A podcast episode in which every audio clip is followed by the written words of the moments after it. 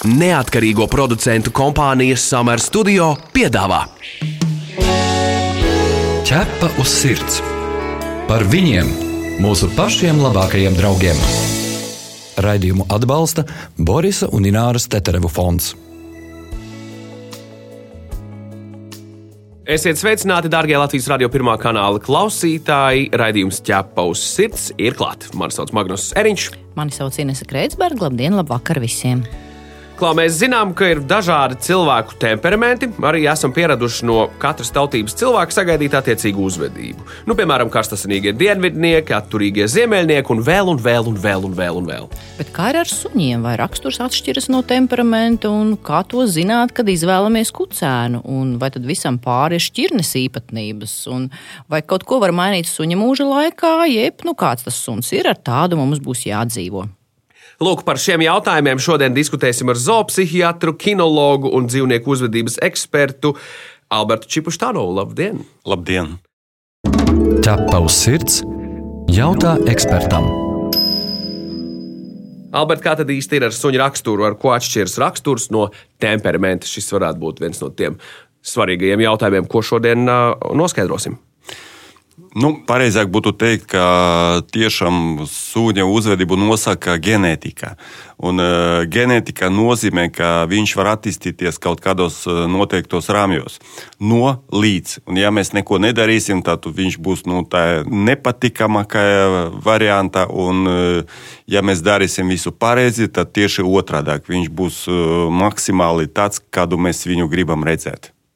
Bet tad sanāk tā, raksturs un temperaments ir tās lietas, kuras var nu, mainīt ģenētiku. Mainīt, jā, jā, ģenētiku mainīt. mainīt nevar, bet raksturu un temperamentu gan var. Jā. Tas nozīmē, apmēram tā, ka līdz trīs gadu vecumam suns bija valdonīgs, arī agresīvs savā ziņā, un pagāja laiks, un ģenētika nomainīja, piemēram, šo te temperamentu un raksturu. Viņš nav vairs tik valdonīgs un tik agresīvs. Pareizi saprotu?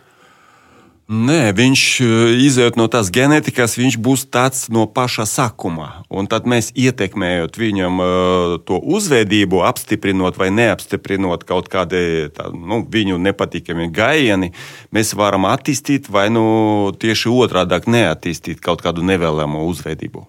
Bet Alberts ir cilvēks, tātad kinologs, kas veic um, tos kucēnu testus, saucamos kucēnu testus, ko veids konkrētā dienā pēc suņa dzimšanas. Kurā dienā veids to testu? 49. dienā. Tātad um, tiek veikta šo kucēnu pārbauda, bet kas tur tiek testēts? Temperaments, raksturs vai tā ģenētika? Ko jūs tur testējat īsti?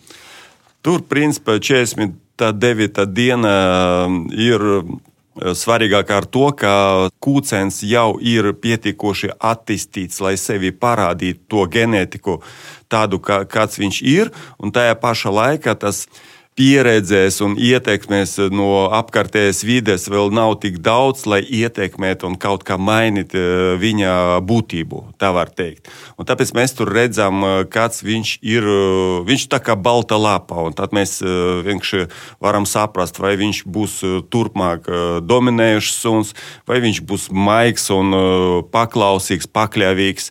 Vai nu viņš būs jautrs suns, vai nu būs suns, kuram vispār nevajag saimnieku, kurš pats sev saimnieks un pats zina, kā viņam tālāk dzīvot. Un cik viņš būs apmācāms, to mēs arī varam redzēt testa laikā. Es diezgan daudz un ilgu laiku esmu domājis tā, ja, nu, ja piemēram, es gribu suni, skatos no visām šķirnēm, kas ir atbilstošākā. Tas būtu pareizi, vai ne? Nu, jā. un tad tur katrai šķirnē pretī ir apraksts, kurā teikts, kāds būs raksturs, kāds būs temperaments. Bet izrādās tas nav viss. Tur ir tas ģenētikas mirklis arī tam visam klāt. Tieši tā, pat uh, vienā metiena ietvaros arī var būt kūcēni ļoti, ļoti dažādi. Viens būs bailīgs, un uh, otrs uh, no tā paša metiena pilnīgi droši iet pie svešiem un nebaidās ne no kā. Tādi varianti arī var būt. Bet tagad, ko cilvēkiem saprast, pēc idejas tas viņu izvēli padara vēl sarežģītāku. Tas nozīmē, ka lielākā daļa uzskata, ka jāņem ir metienā pirmais, jo tas būs drosmīgākais, veselīgākais. Ir tas stereotips, ka metienā kvalitatīvākais ir pirmais. Vai tā tas ir, vai tie ir stereotipi? Nē, tie ir stereotipi. Tur var būt ļoti dažādi varianti. Tur jāskatās vienkārši, ja neiedziļināties tur tajā testā un cilvēks vienkārši atbrauc, lai nopirktu, izvēlēties sev kaut kādu kucēnu, tad jāskatās, lai viņš būtu drošs, lai viņš būtu pozitīvs, lai viņš grib ar viņu kontaktēties. Tas ir nu, pats svarīgākais. Ķepa uz sirds, suņu būda. Kas ir vispār izšķirošais suņa ģenētikā, kas to nosaka un kā saprast, vai konkrēto uzvedību nosaka raksturs, temperaments vai ģenētika? Ja mēs runājam par šīm destruktīvajām izpausmēm, par kurām mēs vēlāk vēl precizēsim, kas tā ir, jo dažkārt suņu saimniekiem un kinologiem atšķirās šis priekšstats, kas tā tad nosaka šīs nevēlamās darbības, kas ir tas ierosinātājs, jeb triggers, varbūt tā var teikt. Ģenētika, raksturs un uh, Vispārējais tas nu, ļoti tuvu viens pie otra, tāpēc ka to pašu raksturu, temperamentu nosaka ģenētika. Tas ir principā viens tāds pats. Un cik tas suns būs uh, turpmāk aktīvs, vai nu viņš būs pasīvs suns, tā arī uh, turpmāk mēs ar viņu dzīvosim. Vai nu mums vajag uh, viņam vairāk veltīt laika, vai nu mazāk veltīt laika. Ir šķirnes, kuri izaugot vispār tikai guļ kaut kur netālu no saimnieka, un ar tiem vispār viss ir viegli un vienkārši. Kuri tad tie ir? Tie paši labradori. Ar laiku viņi nu, jā, sākumā, viņi ēd un guļ pārsvarā. Nu. Jā, viņi, kad mazi kucēni, tad viņi ir ļoti aktīvi, bet ar laiku viņi paliek ļoti pasīvi dažreiz un tikai guļ. Kaut kādi mastīfi, nu, daudz lielu šķirnes suņu, tur Newfoundlandi un, un tā tālāk. Un ir šķirnes, kuri ir ļoti aktīvi suņi, border collie, malinois, vacoetu suņi, ar kuriem visu mūžu vajag darboties. Bet tagad tā, iedomājamies, ir cilvēks, viņam ir tāda liela nu, tāda sadarība ar savu sunu. Viņš uzskata, ka mans suns ir tik foršs un tik gudrs, ka viņam vajag, nu, kā, nu, no viņa vajadzētu pēcnācējs. Pat ja tas ir kvalitatīvs šķirnes eksemplārs, vai no tā kucēna iedzimst nu, kaut kas no mātes vai no tēva, ir kaut kāds dominējošākais tas gēns. Ģenētika ļoti sarežģīta lieta. Es par to pat eh, negribu tur īpaši runāt. Tas eh, ir milzīgs darbs. Vispār audzētājs eh, darbs ir milzīgs. Tur tiešām vajag domāt kas tur var sanākt, un kādas īpašības vajag kā, nu, paslēpt, un kādas īpašības mēs gribam kā, vairāk redzēt kucenos. Un, un, attiecīgi no tā mums vajag piemēklēt, lai tajā vaislas darbā piedalās tie suņi, kuru rezultātā mēs dabūsim nu, kā, nu, tuvu pie ideālākā varianta. Es domāju par to, ka jau nu, parasti tāda laba un stabila psihi, kas ir diezgan liels loterijas tāds, uh, moments suņu saimniekam, tas kaut kā tiek pieņemts pašsaprotami un vairāk satrauc tāda destruktīvā uzvedība. Respektīvi, jaunos, jaunos suņu saimnieks. Mēs varam vispār nodefinēt, kas tad tiek uzskatīta par destruktīvu suņu uzvedību. Destruktīva uzvedība tas ir tad, kad mājās viss ir sagrausts, sākot no apaviem un beidzot ar ieejas durvīm. Un tur var būt divi tā var teikt, divi dažādi iemesli. Viens no tiem ir uh, aktīvs kūcens, un uh, viņam vienkārši nav ko darīt. Uh, viņam ir garlaicīgi, viņš nav nodarbināts, un viņš izklaidējas visu laiku, kamēr saimnieks nav mājās. Un otra liela grupa ir stress. Stress, kurš neļauj sunim mierīgi justies tad, kad viņš paliek viens pats. Tur var būt gan pārāk liela atkarība no saimniekiem, tur var būt uh, separācijas trauksme nu, un daži citi arī iemesli. Ja teiksim, bailīgs suns, un tur viņš dzird kaut kādu skaņu aiz loga, un tad viņš ļoti reaktīvs, viņš reaģē uz visu. Stress. Labi, tā, tā ir tā, nu, tāda destruktīvā, tas ir kaut kas, kas ir sabojāts vai, vai, vai sagrausts. Jā. Bet tajā pašā laikā, ja, piemēram, suns neklausa saimnieku un viņš, piemēram, rei vai, vai metās virsū citiem suņiem vai cilvēkiem, vai tā nav destruktīva uzvedība? Tā ir agresīva uzvedība. Tur jau ir agresija. Par destruktīvu es saprotu tieši nu, ar kaut kādu mantu sabojāšanu ķepa uz sirds noskaidro. Tad varbūt tās ir šķirnes, kurās ir vislielākās amplitūdas temperamenta ziņā, nu, no tā strauji uzbudināmā līdz pavisam flegmātiskam, piemēram. Varbūt jūs esat um, sastapis, ka ir kaut kādi konkrēti šķirņu suņi, kuri vairāk ir tendēti to destruktīvo uzvedību. Vai tie nav tie ātri uzbudināmie, tie temperamentīgie? Jūs ziniet, nē, var būt ļoti dažādi varianti, un pat tas pats Newfoundlands arī var būt ar destruktīvu uzvedību, kuram pēc būtības jābūt ļoti mierīgam un pozitīvam sunim. Tur var būt gan aktīvi, gan pasīvi pēc būtības suņi, tāpēc ka apakšā ir stress. Stress jau tā kā slimība. Jo man aizķēra viens moments, mēs vakar bijām filmēšanā ar Albertu pie vienas ģimenes, kur mēs risinājām problēmu par kucēnu. Un es piefiksēju, ka Alberts teica, ka kucēns līdz sešu mēnešu vecumam patiesībā var uzvesties nevainojami, un pēc tam viņam sākās šī nu, pāriešana varbūt pusauģu fāzē un var, var mainīties pilnībā uzvedība, jo kucēns saimniece teica, ka tas kucēns ir nu, tik perfekts, tik jauks, tik mīlīgs un, un daudz guļ un tik spēlējās, un pilnīgi viņš neko nedara slikti sliktu. Varbūt mēs varētu izstāstīt, kāpēc tas tā ir līdz tiem sešiem mēnešiem, kas tā pa tādu fāzi, kur var mainīties suņu uzvedība. Nu, līdz sešiem mēnešiem vecumā parasti suņi ir uh, ļoti paklausīgi. Vispār tas skaitās pats paklausīgākais periods suņa. Ah, un cilvēkiem rodas, re, kāds man viņš ir paklausīgs, ko es visu ar labi. savām suņu Tādi skolām. labi, vai ne? Jā. Un tas ir tas iemidzinošais moments varbūt. Jā, jā, un viņi pēc tam brīnās, kāpēc viņš tur septiņu, astoņu mēnešu vecumā palika par pilnīgi nevaldāmu, nepaklausīgu suni, ja viņš divi mēneši atpakaļ tik forši ar viņu bija. Kāpēc tas tā notiek? Tāpēc, ka viņam uh, vienkārši nākošais attīstības periods, uh, var tā teikt, ka viņam atveras acis uz apkārtējo pasaulē, kura viņu saka interesē daudz vairāk nekā pirms tam.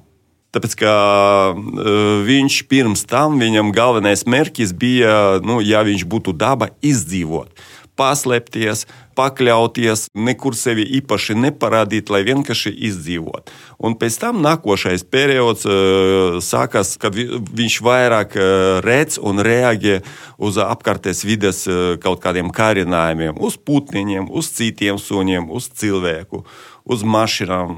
Līdz sešiem mēnešiem viņš var, eh, eh, viņam pat var būt mazāk parādās kaut kādas bailes, bet ir eh, pēc sešiem mēnešiem tieši otrādi var izskatīties, ka viņš pēkšņi saka no visa baidīties. Viņš vienkārši saka reaģēt. Tas nozīmē, ka patiesībā jau var prognozēt, kurā brīdī sāksies problēmas ģimenē, kur bērns gribēs sunīti vai vecmāmiņa laukos, viņai vajag rējējiņu, dīvānā gulētāju. Ja? Viņi mazi visi smuki un mīļi, un patiesībā posmā no sešiem mēnešiem sākās tā attiecība pārbaude. Tā varētu arī minēt. Ja? Nu, jā, tas ir pats grūtākais periods līdz kaut kādam gadam, pusotram. Tur arī atkarīgs no šķirnes, cik liela tā šķirne ir. Visur kopā - ķepus sirds. Nu, lūk, šeit palīdzot uh, iespējams jaunajiem potenciālajiem saimniekiem, varbūt uh, varat, Alberta, ieteikt, vai tā būtu pareiza rīcība un izvēlēties, tomēr paļaujoties teiksim, tā, pēc sava rakstura un temperamenta. Tas būtu prātīgi vai tas nebūtu prātīgi. Nu, piemēram, uh, agresīvāks cilvēks izvēlas nu, teiksim, tā, flegmatiskāku suni, lai tas izlīdzinātos pa vidu un nebūtu teiksim, tā, lieku problēmu. Jā, es domāju, ka tā arī ir, ka jābūt kaut kādai e, bilancei. Ja jūs esat, esat ļoti aktīvs e, cilvēks, tad e, varbūt nevajag ņemt sev viegli uzbudinošu suni. Viņam, protams, ka jābūt pietiekoši aktīvam, lai kopā jautri pavadītu laiku. Bet, eh, ja jūs esat ļoti aktīvs un suns būs eh, tāds, kurš iedegās no jebkura karinājuma, tad nu, kopā būs sprādziens. À, jo nevar paredzēt, kurš tur kuru pirmais ierosina. Ja? Tad, jo tas pats eh, cilvēks temperamentīgais, viņš arī nesaprot, kurā brīdī vajag varbūt tās nu, apstāties. Jā, jā. Atgādinām, ka pie mums studijā šodien ir zoopsihiatrs, kinologs un dzīvnieku uzvedības eksperts Alberts Čipuštānovs, un mēs diskutējam par to, kādi ir iemesli suņa destruktīvai uzvedībai un ko darīt saimniekam. Šo radio pārraidi jūs, protams, varēsiet noklausīties arī populārākajās straumēšanas vietnēs, podkāstu formā, kā arī mājaslapā www.ķepaus.clv arhīva sadaļā.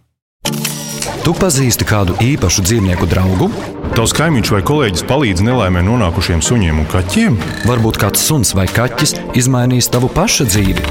Raksti mums, un mēs pastāstīsim šo sirsnīgo stāstu pārējiem klausītājiem. Iedrošināsim arī citus izdarīt kādu labu darbu. Gaidām jūsu vēstuli uz info atķepa uz sirds LV. Es uh, nu jau biju šajā lietotnē, Twitter. Esmu pamanījis aizvien vairāk un vairāk, ka cilvēki sāk atzīties uzmanības deficīta un hiperaktivitātes uh, sindroma esamībā. Vai ir arī suņi, kam ir lielākas problēmas noturēt uzmanību nekā citiem, un ko vispār var darīt tādās situācijās?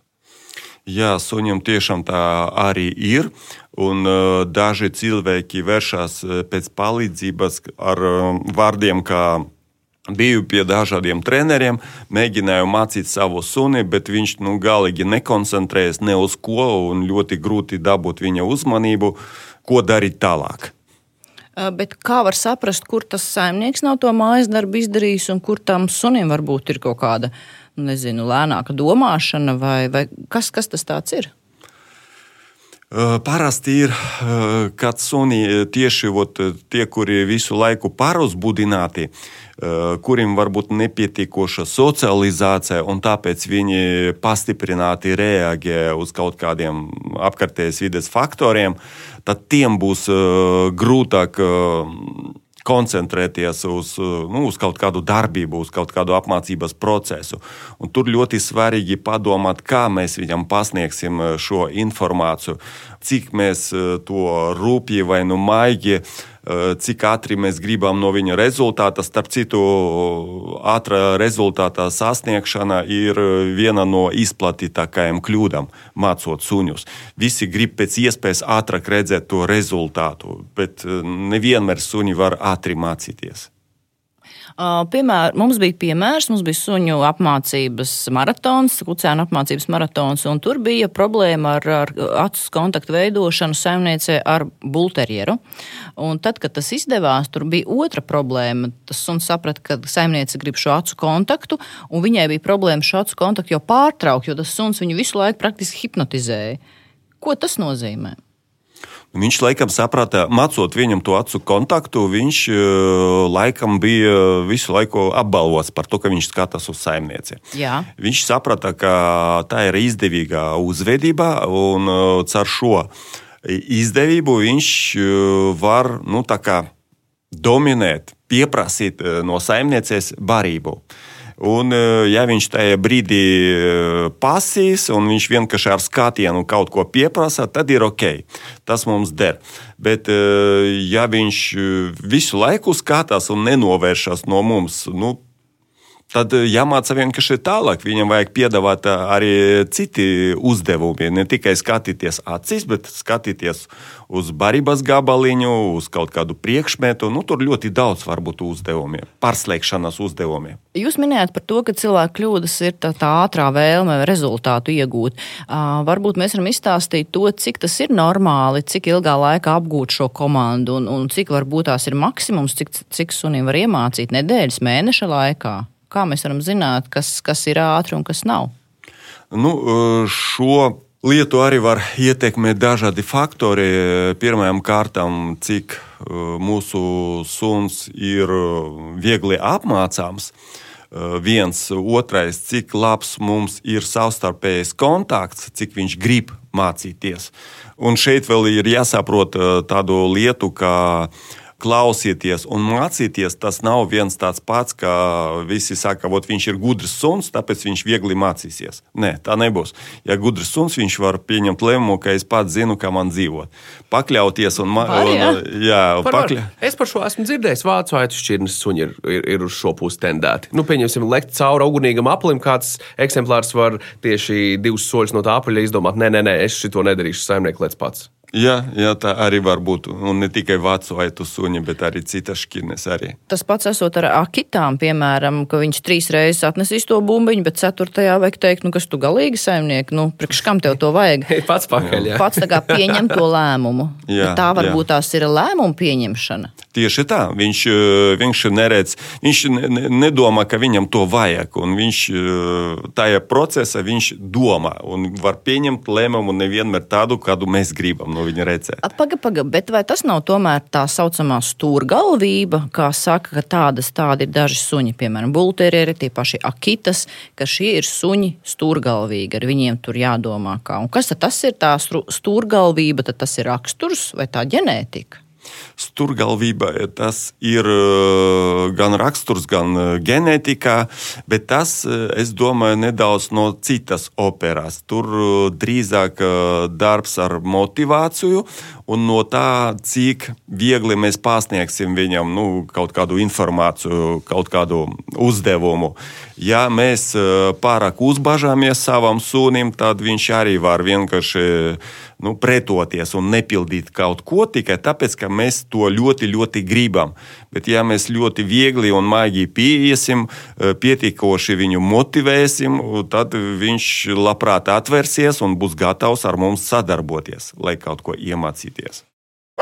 Ķerpaus sirds diskutē. Es tikko dzirdēju frāzi, ja mēs par daudz uzbāzīsimies su, nu, sunim. Ja? Jā. Bet vai ir tādi suņi, kuriem saimnieku uzmanība var būt par daudz? Parasti jau mēs pārmetam cilvēkiem, ka viņi pārāk maz nodarbojas ar sunu, jo suns vienmēr ir priecīgs gan tevi redzēt, gan nodarboties. Ja varbūt šī ir ilūzija, ir tāda šķirnes vai, vai ir kādas citas pazīmes sunim, kurš nemaz negrib tik daudz komunicēt. Tieši tā. Un ļoti bieži eh, es to redzu, kad eh, sunim par daudz saimnieka uzmanības. Un, uh, tur ir tāds knifiņš, ka viņam vajag saimnieka uzmanību tad, kad viņam vajag, nevis tad, kad vajag saimniekam to uzmanību pievērst savam sunim. Aha, bet kā to saprast? Jo, jo saimnieks, nu, mēs jau esam egoisti. Mēs jau gribam to dzīvnieku uzmanību, kad mēs to gribam. Tieši tā. Tāpēc arī eh, rodas tāds nu, neliels konflikts starp saimnieku un suni kad viņš uzbažās, suns guļ, vai nu viņš atpūšas, vai nu viņš tur ar kaut ko aizņemts. Un mēs ot, pēkšņi gribam ar viņu tur sabočēties, paglaudīt viņu, tur pamīļoties. Un viņš domā, nu, es esmu aizņemts, man ir nu, citas darīšanas. Es Bet gribu kaut ko pateikt, citu. Kā var noteikt, ka suns ir aizņemts, ka viņam ir savas darīšanas? Kad viņš tieši ignorē, tas ir ļoti viegli saprast, tāpēc, ka viņš izvairās no mums. Ir kādas šķirnes, kas ir īpaši tendētas uz šādu darbību, uz šādu rīcību? Nu, vairāk tādi vien pat. Es domāju, ka nē. Es domāju, ka nē. Es domāju, ka ir šķirnes, jā, kuriem tieši otrādi, kuriem vairāk ļoti daudz saimnieka uzmanību. Bet par tiem, kuri vairāk izvairās, es domāju, ka tas var būt nu, raksturīgi daudzam šķirnēm. Tad tā tomēr ir raksturīpatnība. Jā, Tad tā ir raksturība. Jā, jā. Un to starp citu mēs varam arī redzēt eh, tieši testējot kucēnu 49. dienā. Mm, Aha! Tajā brīdī viņš pateiks priekšā ar savu uzvedību to, ka viņam ir Jā. Ir punkti, kuros viņš labprāt gribētu, ar cilvēku ir punkti, kuros viņš labprāt gribētu būt viens pats. Tieši tā. Piemēram, Tieši tā. Nu, tur, teiksim, tests sākas no tā, ka ienes eh, kucēnu kaut kādā sveša telpa pie sveša cilvēka. Un tad eh, es redzot eh, kucēnu, mēģinu ar viņu nodibināt kaut kādu kontaktu.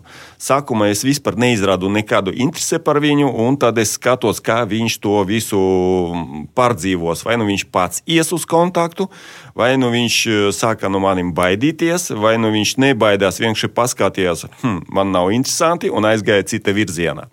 Tad es mēģinu, ja es redzu, ka viņš neiet uz kontaktu, pats nodibināt, pats inicēt to kontaktu, bet ļoti pozitīvi, maigi pārunājot, paglaudot viņu, un tad sāku pārvietoties eh, tajā telpā, kur notiek tas tests. Un es skatos, vai viņš iet man līdzi, vai viņš katru reizi iet cita virzienā. Un tad uzreiz var saprast, vai viņam vajag cilvēku, vai nu nevajag viņam cilvēku. Vai ir tāda uzvedība, piemēri, kur var redzēt, tas ir iedzimts un nemainīsies, vai, vai visas, visas tās īpašības var kaut kā pakoriģēt? Uh, jo, piemēram, es atceros, uh, mums ir bijuši gadījumi, kad saimnieki ir stāstījuši, ka ir suņi, kas var nokārtoties tikai nu, prom no citu acīm, diskrēti ļoti, bet ir tādi suņi, kam nav problēma to darīt pat ceļa vidū, un tad saimnieki šausmās un jūtas nērti. Kā piemēram ir ar šo um, suņu ieradumu, tas ir iedzimts un to var mainīt vai nevar mainīt? Eh, es domāju, ka, ja runāt par to nokārtošanu, tad tas, eh, es nedomāju, ka tas ir iedzimts. Bet eh, tas drīzāk pieredzēs jautājums. Ja viņš, tas kucēns augot, viņam apakšā ir tikai cieta virsma, tad viņam nebūs problēma nokārtoties uz asfalta vai nu, uz cietas grīdas vai nu, nu, telpas un tā tālāk. Bet, ja viņš no pirmajām dienām ir iespēja viņam staigāt kaut kur nu, dabiskajā vidē, kur pļāviņā, vai no nu, mācot ar viņu kopā ejot kaut kā meža, tad, tad jā, tad, tad tāds suns pierod pie tā, ka viņam vajag nu, kaut kur varbūt paslēpties, tālāk aiziet, un ka nu, uz cietas virsmas viņš vispār nevar nokārtoties. Tu esi mans draugs, ķepus sirds par to dominēšanu, par to, ka, piemēram, parasti suņu barā it kā tas suns ir noteicošais, bet kuros gadījumos tieši kuces ir tās, kas uzņemās nu, to, to, to dominējošo lomu? Jā, nevienmēr suns ir dominējošs, dažreiz arī kūcēs ar ļoti stipru raksturu, arī var būt ļoti dominējošās. Un visu laiku no visiem pieprasīt, lai viņi dara tā, kā viņas grib. Un starp citu, kūces sterilizācija arī var eh, bišķiņ pacelt eh, to dominēšanu. Jo, kāpēc es to jautāju? Jo, piemēram, suņu saimniekiem, kas vēlas suni, Um, nu, viņiem ir izvēle, vai viņi grib kucīti vai suni. Un tad bieži ir tas variants, ka es gribu kucīti, jo viņas ir tādas mīļākas un pakļāvīgākas. Un tas, man liekas, ir absolūts stereotips. Tāpēc ir jautājums, kā saprast cilvēkam, uh, kādas būs atšķirības, ja viņš izvēlas vienu vai otru dzimumu. Nu, ja mēs nerunājam par cilts darbu, ja mēs ņemam sev kompanionu. Jā, nu, nē, tur daļēji taisnība ir. Kūcēs, ja tā, tā procentuāli paņemt, viņi būs paklausīgāki nekā suņi. Suņi pēc kaut kāda vecuma viņi varbūt nu, vairāk negrib klausīties, un ar viņu varbūt vajag nu, bišķiņ tā kā stingrāk strādāt nekā ar kūcēm. Kūcēs pārsvarā ir maigākas nekā. Paklausība suņi. jūs teicāt, jā, paklausīgākas. Paklausīgākas. Jā, tas nozīmē, jā. ka to ietekmēs ģenētika, pareizi. Paklausību? Jā. Uh, apmācībā, pieredzēm. Ja, ja viņš pat, protams, ka ja ģenētiski viņš ir jau ir tādi suņi, kuri pat piedzims jau paklausīgi, viņiem pat nevajag mācīt paklausību, viņi jau grib pakļauties. Bet tur var būt gan kuces, gan suņi. Bet principā būt paklausīgam tas ir apmācības jautājums. Mācīt paklausību. Un kūcis patiesībā to apmācības procesu vieglāk, uh, nu, vieglāk. uztver. Kopumā vieglāk procentuāli, bet, uh, protams, ir arī ļoti dominējušas kūcis. Nu, re, pieliekot punktu mūsu šīs dienas sarunai, Alberta, jautājums tāds, ko mums, suņu esošajiem un topošajiem saimniekiem, darīt, lai kopā būšana ar suni būtu harmoniska? Nu, kas ir tas mājas darbu maksimums, ko varam uh, izdarīt? Es teiktu tā, ka maksimāli saglabāt ar viņu pozitīvas attiecības. Maksimāli, kamēr viņš ir maziņš, maksimāli nesodīt viņu. Tāpēc, ka kucēnu, mazu kucēnu, faktiski sodiet pat nav par ko. Parasti mēs sodam par to, ko viņš nezina, neprot. Viņš piečurāja grīdu, tur piekākā, bet viņš nav vainīgs, ka viņš to izdarīja. Tā ir dabā, tas ir nu, pilnīgi dabiska uzvedība. Viņš tur iekāpa divānā vai no, viņš tur kaut ko paņēma no mūsu galda. Tas arī nav iemesls, lai viņu uzreiz sodītu. Viņam vajag parādīt, ka to darīt nedrīkst, iemācīt viņam un tad tikai pieprasīt no viņa, nevis otrādāk. Jā, nu redz, cik jautājumu, tik atbilžu, un, un diskusijai ir nav ne gala, ne malas, bet, nu, stāsts, protams, par to, ka galvenā atbildība ir uz mums, uz suņa saimniekiem pārsvarā, jā. Tā kā ar to ir jārēķinās. Tas tiesa, liels paldies, Alberta, par, par šo sarunu. Vienīgais, ko es varu teikt, tas diezgan līdzīgi ir. Tā kā meklējot dzīves biedru savā ziņā, arī ar suni mēs jā, varam, varam daudz, ko, daudz ko forši izdarīt. Vienīgi jāpaturprātā, ka tas beig beigās ir lielā mērā vienpersoniski mūsu pusē, ko mēs darām un ko mēs varam izlemt saistībā jā. ar šīm attiecībām. Bet arī ļoti interesanti fakti, ko Alberts piedāvāja šajā reizē par, par suņu apmācību. Un ne tikai vēl, vēlreiz teikšu lielu paldies un līdz nākamajai reizei, Alberta. Paldies! Mūrāģam ķepa uz sirds! Nu, lūk, šajā raidījumā tas ir arī viss. Mēs gaidām jūsu jautājumus, ierosinājumus un idejas sižetiem. Rakstiet mums uz info atķepaus sirds LV. Un studijā šodien Inese Kreitsberga un Magnus Eriņš. Raidījumu veidoja neatkarīgo producentu kompānija Summer Studio. Visu labu! Atā! Ķepa uz sirds! Informatīvi izglītojoši raidījums par dzīvnieku pasauli un cilvēkiem tajā. Raidījumu atbalsta Borisa un Ināras Teterevu fonds.